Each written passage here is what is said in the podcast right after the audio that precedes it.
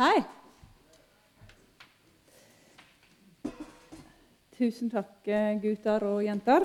Veldig bra. Så de av dere som trengte mer enn bare ord, fikk de i sang. Samme budskapet. Var ikke det bra? Det var veldig og så sterkt lyset var. Men det er greit. Jeg må jo bare Ser du meg? Hæ? Der var jeg gul. Jeg heter Miriam, eh, og jeg skal da si noen velvalgte ord om synd. Jeg tenker at jeg gleder meg. Hæ? Og synd, det, Da tenker jeg mange tenker og ser for seg en gammel eh, pinsedame, pinsemann, som står med pekefingeren og så forteller deg hva du skal gjøre og ikke gjøre. Den litt sånn strenge fingeren. Det er det du tenker på når du tenker på synd. Eller så tenker du på alt det du ikke klarer å fikse i livet. Men synd det, altså, det betyr egentlig bare at man gjør imot det som er Guds vilje, Hans ord og det Han ønsker, og vet det er best for vårt liv. Det er ikke sånn kjempeavansert. Men eh, mange av oss får litt sånn der eh, kvelningsfornemmelse når vi hører ordet synd. Iallfall for oss som har vokst opp i, eh, kirkens fire rammer. holdt jeg på det, vegger. Men det er noe viktig likevel, så jeg skal faktisk tale om synd i dag. Så hold deg fast. I Matteus så leser vi i Matteus 4 Du trenger ikke ta det opp, for jeg skal bare sånn lett fortelle det. Så leser vi om hvordan Jesus han ble faktisk ledet av Den hellige ånd ut i ørkenen for å bli frista av djevelen. Det var faktisk Den hellige ånd som ledet han ut i ørkenen. Du tenkt på det? Etter at han hadde gått uten mat i 40 dager og 40 netter, så ble han sulten. Og hva skjedde da, tror du? Dere som har lest bibelhistorien. Etter 40 dager og 40 netter uten mat, tror du at du er sulten og sliten da, eller? Og Georg, Hvordan har du vært etter 40 dager uten mat? Null stress. og jeg tror det er mange som er som han, som kjenner at først, altså det er jo faktisk halvannen måned nesten uten mat. Du er ikke veldig klar for en joggetur, klar for en økt nå. Og Jesus han var svak, selvfølgelig, for han var et menneske. Og etter de 40 dagene, når han faktisk hadde stått at han var sulten, da kom djevelen. Selvfølgelig kom han da for da var Jesus på sitt svakeste. Og Da sa han eh, til han da, 'Hvis du er Guds sønn, så kan du jo bare si til de der steinene der at de skal bli brød.' Ikke sant? Da begynte han hele den her utfordra Jesus. Og Da svarer Jesus han kunne Guds ord. han. Mennesket skal ikke leve brød alene, men av hvert ord som kommer ut av Guds munn. Og Sånn her gjentar denne her historien seg, hvor djevelen utfordrer Jesus på det, da, eh, svakheten hans ene øyeblikket var at han var sulten, men Jesus han lot ikke djevelen få lov å få den seieren. Så neste var faktisk at han tok han med seg opp til Jerusalem, på toppen av tempelet. Så sa han ja, ja, hvis du er Guds sønn, så kan jo du bare kaste deg utfor det her eh, stupet her. Så han har jo sagt at han skal gi sine engler befaling om deg. Så begynte han å sitere Guds ord for han faktisk. Og Jesus han bare tar tilbake han og sier, men Guds ord sier Og Etter hvert så tar han med han opp et stort fjell, så han har utsikt over alt. Masse, langt av gårde. Og Så sier han alt dette kan bli ditt hvis du kaster deg ned og tilber meg. Men da har Jesus for nok. Vik bak meg, Satan. Get out of here. Da er han ferdig med han. Og Da skjønner Satan at han har ikke noe sjanse, han bare løper, han. Borte var han. Jesus han var svak, som jeg sa, etter 40 dager. Er ikke det typisk da, når vi er på det svakeste? Da er vi jo mest sårbare. Da er det lett at djevelen kan komme. Det er kanskje bare vi som har det sånn. Jeg sitter så mange perfekte mennesker her at jeg blir jo helt nervøs. Eh, det som var Djevelen han, han drev ikke bare snakka til Jesus, han tok Jesus med seg. Han tok han med på toppen av tempelet. Han tok han med på toppen av det her fjellet, så han kunne se det var ikke nok å bare høre fristelsen, men han, han tok Jesus med så han kunne se. Så han, det er, jo, er det noen som har blitt frista å se på noe fint noen gang?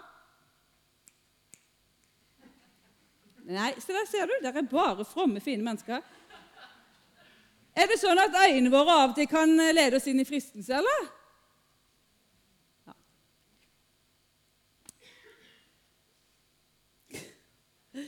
Man kan pakke ting inn i fine ord, eller visuelt sett se fint ut. Det samme gjør djevelen nemlig med oss, sånn som han gjorde med Jesus. Han pakker synden inn. Han lurer, han sniker. Han er en slange på mange ting. Eh, djevelen han kan til og med bruke Bibelen, han, for han vet hva som står i Bibelen. Han kan bruke mennesker, han kan bruke kristne mennesker òg. Han tar oss der vi er svakest, og det er så typisk. Han vet at han har tapt. Visste du det? Jeg sa du hørte på en sang i sted før møtet så står det at vi, hvor de sang at vi kjemper en kamp som allerede er vunnet.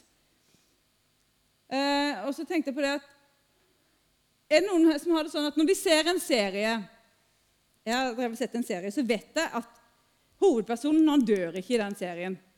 Og det gjør at jeg syns det er litt gøyere å se på den serien.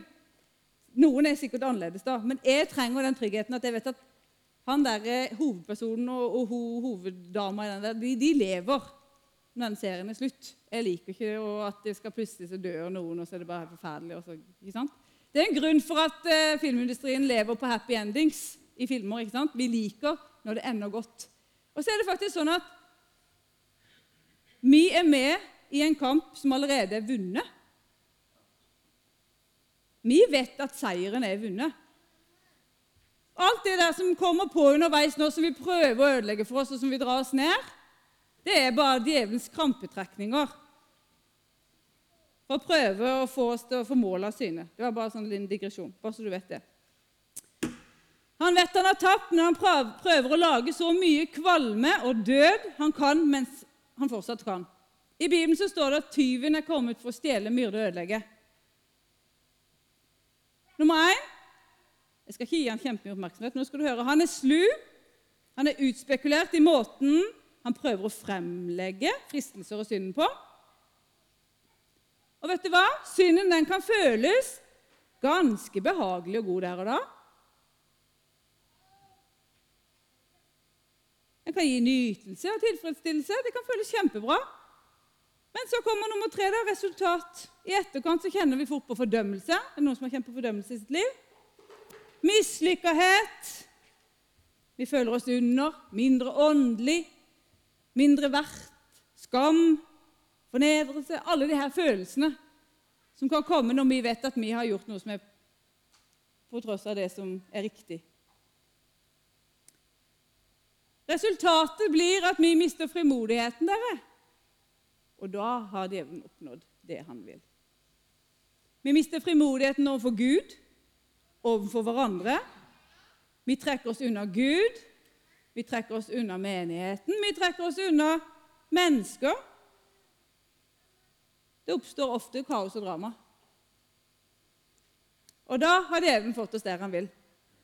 Vi er ikke lenger farlige for ham.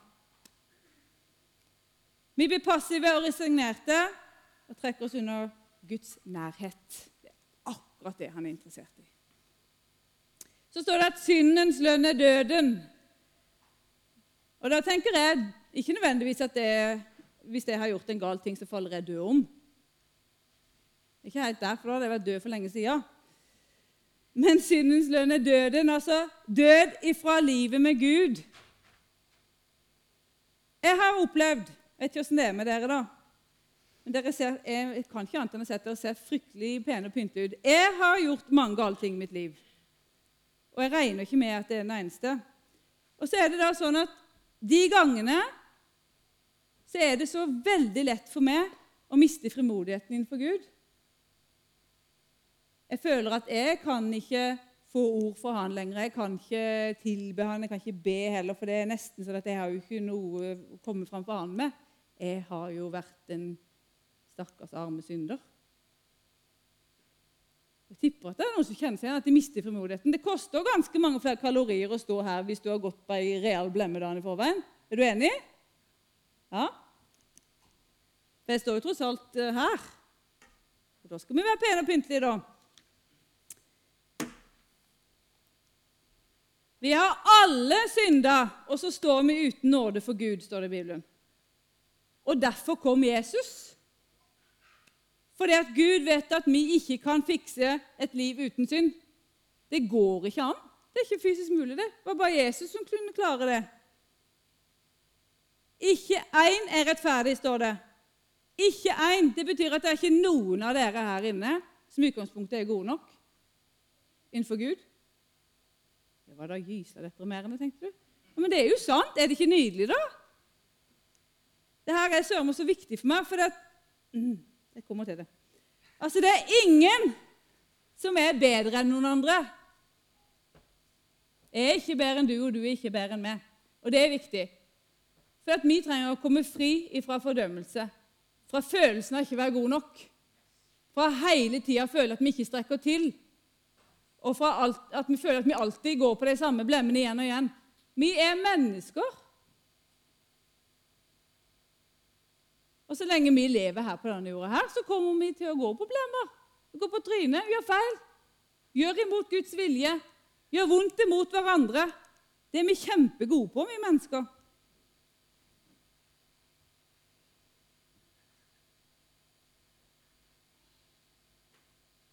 Så står det at det finnes ingen fordømmelse for den som er Jesus Kristus. Det finnes ingen fordømmelse for den som er i Jesus Kristus. Og der er det en nøkkel. For når vi trekker oss vekk fra Han hver gang vi gjør noe feil, så kommer jo fordømmelsen kjempefort. For det er vår reaksjon. Vi gjør det, vi trekker oss unna. Men hvis vi kan være i Han, stå i Han, så er det mye lettere at han kan få lov å komme og lege det som er feil. Gud han kan vende alle ting til det gode for den som tjener han. Gud han kan snu det som djevelen har tenkt at skulle bli din undergang, til din fremgang. Uh, Jens Vegard, where are you? Kom. Jeg skal hjelpe Jens Vegard. Uh, det står Hvis du bare tar av deg genseren Hvis du tar av deg genseren Ikke bli for begeistra nå. Og så tar du på deg den, Ta på deg den og så tar du genseren utenfor der igjen. Nå får du teste ut om det funker. Der. Ja, I'm back. Du vet at i eh, Jeg følte at det gikk i det utfor her.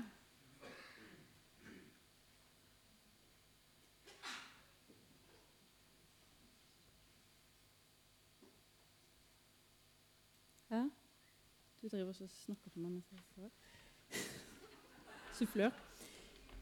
I hebreerne Takk skal du ha. Har du på deg riktig nå? Eh, jeg vet ikke. Ah, ja, det går fint. Det er greit. I Hebreerne 12 vet du hva? At, eh, I Bibelen så står det masse historier om masse store gudsmenn og gudskvinner som har levd store liv. Kjempestore liv. Og ikke bare i Bibelen, det, er, det ser vi jo. altså Du har Billy Graham du har alle de her menneskene som vi ser opp til. ikke sant? I Bibelen så leser vi òg de her livet. Og Hvis vi leser om det her livet, så var ikke det noe A4-liv. Det var ikke noe sånn herre alt gikk på skinner-liv. Er du enig? Livet til David gikk ikke på skinner. Nei. Han hadde jo eh, ganske mange svin på skauen, den mannen. Men så ser vi i Hebreerne 12, 1, så står det derfor siden vi er omgitt av en så stor skare av vitner Og da tenker jeg på alle de her som har levd før i Bibelen som gjennom tro har vitnet om sannheten om Guds absolutte trofasthet. Derfor så kler vi av oss all unødvendig vekt og synden som så lett og utspekulert fester seg på oss. La oss løpe med utholdenhet og en aktiv standhaftighet. Den er aktiv, altså du, du må gjøre noe for den hele tida. Vi løper med utholdenhet og en aktiv standhaftighet, løpet som er lagt foran oss. Se bort ifra alt som distraherer oss. Fokuser øynene på Jesus. Det står der i uh, den engelske oversettelsen av hebreerne. Altså, Det er en hel haug med store gudskvinner og gudsmenn som har levd før oss. De har synda, de har falt, de har gjort ting som ikke var riktig. Og Gud har alltid vist sin nåde og sin trofasthet. Og fordi at vi da er gitt av en sånn stor sky av vitner, for det er det de ser der. De står der, og så heier de på oss. Vet du hva, Kom igjen, vi har vært der, vi har gått veien før dere. Vi har falt, vi har falt. Men Gud er den samme. Han er trofast uansett. Og de, han, Paulus skriver her det er som å løpe i et løp. Da ser du ut og løper. Jens Vegard han skal på løpetur nå. Jens Vegard, nå skal du ta deg en runde rundt i salen, så skal du fortelle meg etterpå hvordan det føles. Jens Vegard han ser ut som han er rimelig godt trent nå. ikke sant? Han ser bra ut. Han har den brystmuskelen. og Se på her, Letsa. Han er svær, godt bygd. Kom igjen. Det her går bra. Jens Vegard er ute og løper. Så skal jeg ta en runde med deg, Jens Vegard. Kom igjen, Jens Vegard. Dette går bra. Jeg har en følelse av at du sliter litt, Jens Vegard. At det begynner å bli tungt. Ja, litt tyngre vanlig, vil. Ja, det er det. Du, du føler det. Skal jeg hjelpe deg? Ja, kan jeg på skuldrene? Nei, det er, hvis du kommer opp her, så skal vi ta en liten prat, Jens Vegard. For Jens Vegard nå har han løpt tilsynelatende. Hvis ikke du kjenner Jens Vegard, så ser han egentlig bare litt sånn bøs ut. Er du ikke enig? Ser litt godt trent ut. Så hvis du tar ti pushups her nå Kom igjen, Jens Vegard. Ja, ja, ja. Vi ser her. Kom igjen. Ti. Ni. Kom igjen, da. Åtte. Sju. Seks. Fem. Fire. Tre. To. Én. Se det, ja. Å, du bare fortsetter, ja. Det er bra. Knallbra. Du kjente den? Ja, Ja. ja. Vet du hva? Tilsynelig? Ja, du får Åndelig trening? Ja, ikke Ja, fysisk. nei, nei, men det, det går for det samme. Du kan trekke parallellene. Tilsynelatende så ser Jens Vegard helt vanlig ut hvis ikke du kjenner han. Altså sånn tilsynelatende iallfall. Det som er at han har noe tungt å bære på, han, som gjør at alt egentlig blir mye verre. Det er mye lettere for meg å løpe den runden enn det var for han, for han har ti kilo ekstra på seg. Og du merker ti kilo når du er ute og løper, eller? For de av dere som har løpt med vektvest, kjenner du ti kilo? Ja, det gjør du. Du kjenner ti kilo når du kjører pushups fremfor bare egen kroppsvekt. Det bildet her er rett og slett at vi løper et løp. Og av og til når vi løper, så tar vi på oss Altså det skjer ting i livet som gjør at vi tynges, da. Altså at vi tar på oss en vektvest. Men du ser ikke vektvesten til Jens Vegard. Du gjør jo det, da blir det greit. Altså, den, kunne, den er ikke nødvendigvis veldig synlig. Men hvis Jens Vegard tar av seg genseren Plutselig så har han en synlig byrde på seg. Den du ikke så i stad, den ser du nå. Og noen er veldig flinke til å kle over alt det her dritet som man har i livet, for man vil ikke vise det fram. Fysj, hva tror folk om meg da? Mens noen er det så synlig på at det går ikke an å ikke se det. De lever jo, Det er jo helt vilt. Men er det ene bedre enn noe annet? Hvis du da heller kan Jens Vegard, så kan jeg og han snakke om det. Så kan jeg si vet du hva, Jens Vegard, jeg har gått denne, jeg har kjent på de byrdene du har. Sånn og sånn kan vi gjøre.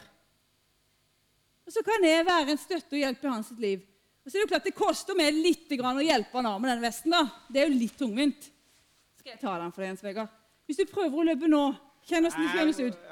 Kom igjen, Jens Vegard. Ja. Se så lett på tå. Det formelig flyr av gårde. Det føltes bra. Var det bedre? Ja, litt, det er før i åtte. Ja? Mm. Gi han en god klapp, dere. Takk for hjelpa. Og Sånn er det faktiske livet. Det er bare et litt artig bilde. og Det er kult at Bibelen bruker det, for vi kan jo så lett se for oss at vi løper et løp. Og så er det da, så snakker Bibelen om at vi så lett lar synden henge seg fast på oss. Og da tenker jeg, Så jeg for meg en sånn vektvest som jeg plutselig tok på meg masse ting i mitt liv, og så blir det så tungt. Og så av og til sånn at vi løper, og underveis så blir det for tungt, så jeg stopper opp, og så blir jeg stående. Så ser jeg alle andre som bare løper forbi. De ser jo så fint ut. Ser ut som de har det kjempebra. Men kanskje noen har dekka over da, med denne genseren som Jens Vegard hadde. Jeg, så, jeg ser ikke alle de byrdene de har å bære. Så står jeg der og så føler jeg meg mindre og mindre. Jeg føler meg mindre verdt, jeg føler meg mer ubrukelig enn noen gang. For jeg føler at det er bare meg som har alle byrdene. Bare meg som har alle problemene i livet mitt. Det er bare meg som faller gang på gang i de samme tingene om igjen og om igjen. Men sånn er det jo ikke. Det er jo ikke noe forskjell. Og så står det der at eh, vi skal se bort ifra alt som vil distrahere oss. Og så, Jeg så faktisk en artig ting for meg. da. Eh, tenk deg et sånn eh, mosjonsløp. da. Maraton. Maraton. Så har du noen som kommer i sånn fancy outfits. altså Det jo, ser jo så sprekt ut at bare klærne er jo bare kjempetøft. ikke sant? Og så blir det en sånn greie Oi, hun er nok sprek. Hun har det nok fint, for hun ser jo så bra ut. Er ikke vi litt sånn her òg, da? Er vi ikke sånn i livet? Det som ser tilsynelatende fantastisk ut. Men jeg vet jo ikke hva som er under de klærne. Jeg vet jo ikke hvordan det er på innsida der. Er du ikke enig?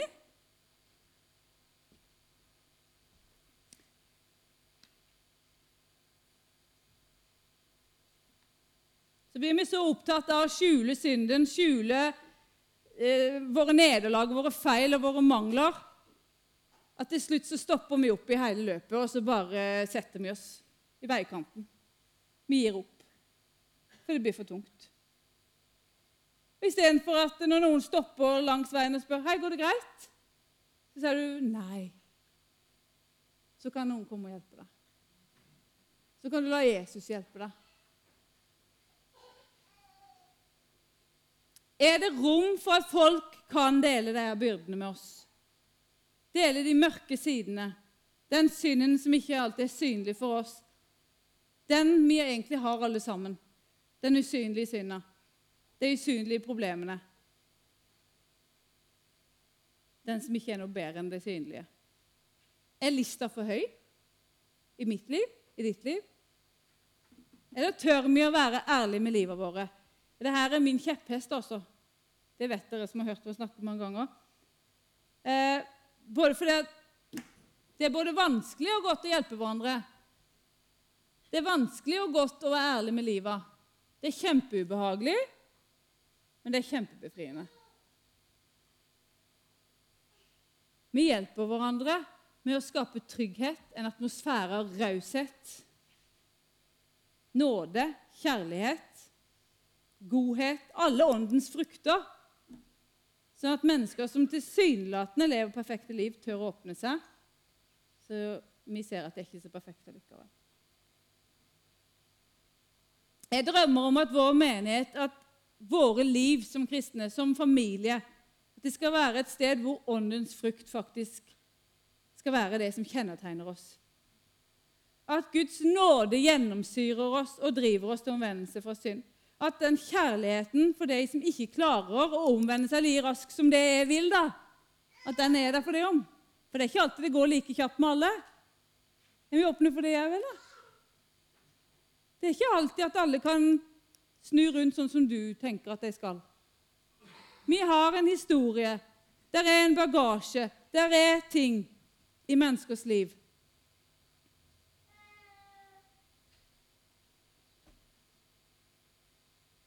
Kanskje noen har en større svakhet for et eller annet. Jeg skal ikke begynne å nevne alle ting Dere vet hva det går i. Kanskje noen trenger to år der du tenker at det kan ikke du bare forandre, for det kan ikke bare skjerpe deg. Nei, det kan ikke det. Kan du være der for deg de to åra det tar? Så Johannes 3, 17. Gud sendte ikke sin sønn til verden for å dømme verden, men for at verden skulle bli frelst ved ham. Så hvis Gud ikke dømmer verden, har vi fått i oppgave å dømme verden, da? Har vi det? Uh -uh. Gud er interessert i å frelse en verden. Han er ikke interessert til å komme med pekefingeren og dømme deg. Det skal han gjøre seinere en gang. Gud er så interessert i fellesskap med mennesker. Og han ønsker at vi skal holde oss nær til han, at vi skal leve nært inntil hans hjerte, for det om vi ikke klarer det. Fordi om livet ikke alltid blir sånn som vi hadde sett for oss, eller de rundt har lagt opp til at det skal se ut for at det skal se bra ut. Skjønner du? Allikevel så vil han han sier, kan du være, holde deg nær til meg, så går det her fint. Og det er ikke noe han heller vil enn at du skal holde nær til han. Og det som er at Når vi holder oss nær til Guds hjerte, så er det hakket lettere å unngå de fellene som vi går i stadig vekk.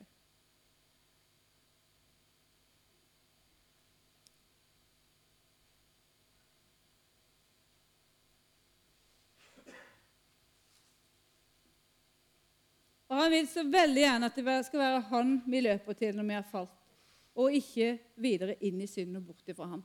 For det er lett. Den letteste løsning er å bare løpe videre og så vekk fra Gud. Men han vil at vi skal løpe til ham. Han sendte sin sønn for at vi skal få lov ha fellesskap med ham på tross av synd. Gud hater synden, det gjør han. Men han elsker syndere. Visste du det? Det er nydelig, så han elsker meg. Gud ønsker at vi skal være fri, fri til å reise oss opp hver gang vi faller. Fri til å være frimodige når vi ikke kan leve opp til egne forventninger eller andres forventninger, eller det som vi tror og føler er Guds plan for vårt liv. For at når vi går rundt med fordømmelse, så bindes vi fast. Altså, vet du hva? Fordømmelse det er noe drit, for du, blir jo paralysert. Du klarer ikke å gjøre noen ting. Skam er en samme greie. Du klarer ikke å gjøre noen ting.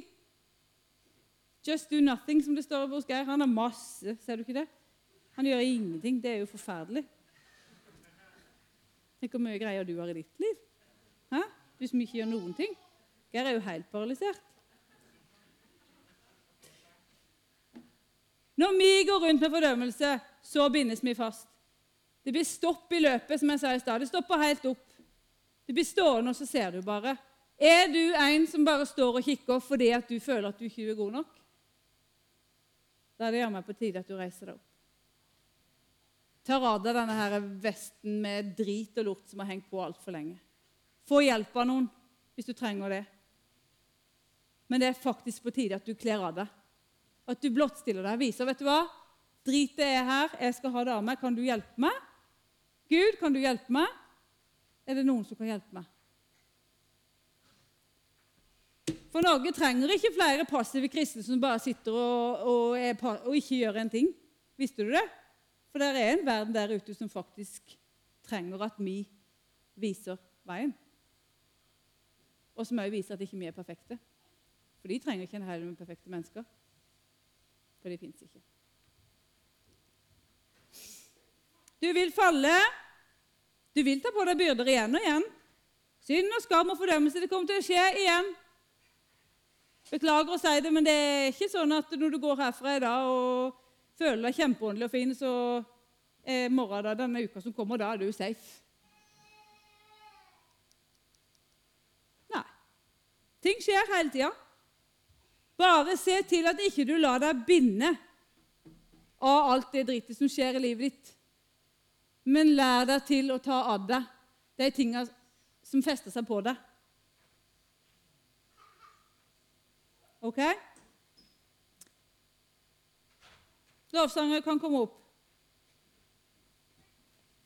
For i dette løpet, husk at alle som løper forbi du som føler at du står og er bundet fast og nesten er overtynga, alle de som løper forbi,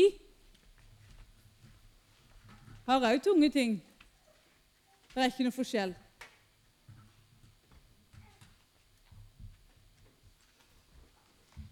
Kanskje hvis du tør å åpne deg opp, så kan de hjelpe deg. Og du kan hjelpe dem. Takk, Jesus, for det at eh, du har kalt oss til fellesskap med det. Takk for at du elsker syndere, Herre. Takk for at du elsker oss, Herre. Du elsker meg, du elsker hver eneste person som er i dette rommet. Og det fins ingen perfekte mennesker i seg sjøl, Herre, men i det, Jesus, så er vi perfekte.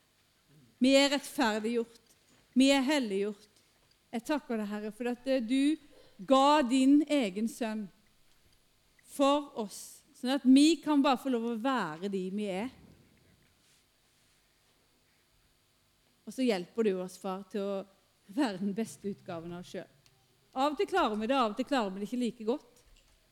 Men takk for at du er med oss hver eneste dag uansett. Og jeg takker deg, Herre, for at eh, din frihet skal være på dette stedet i kveld.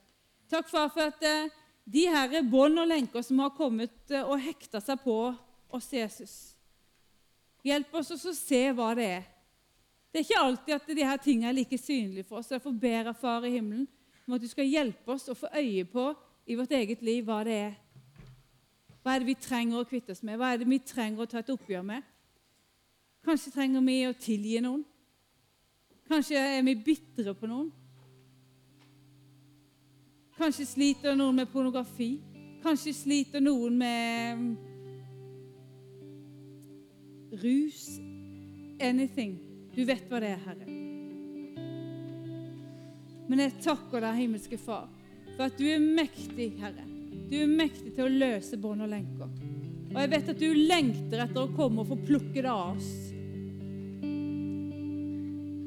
Og så vil du gå veien med oss. Takk for din frihet, Herre. Jeg taler din frihet på dette stedet, Herre.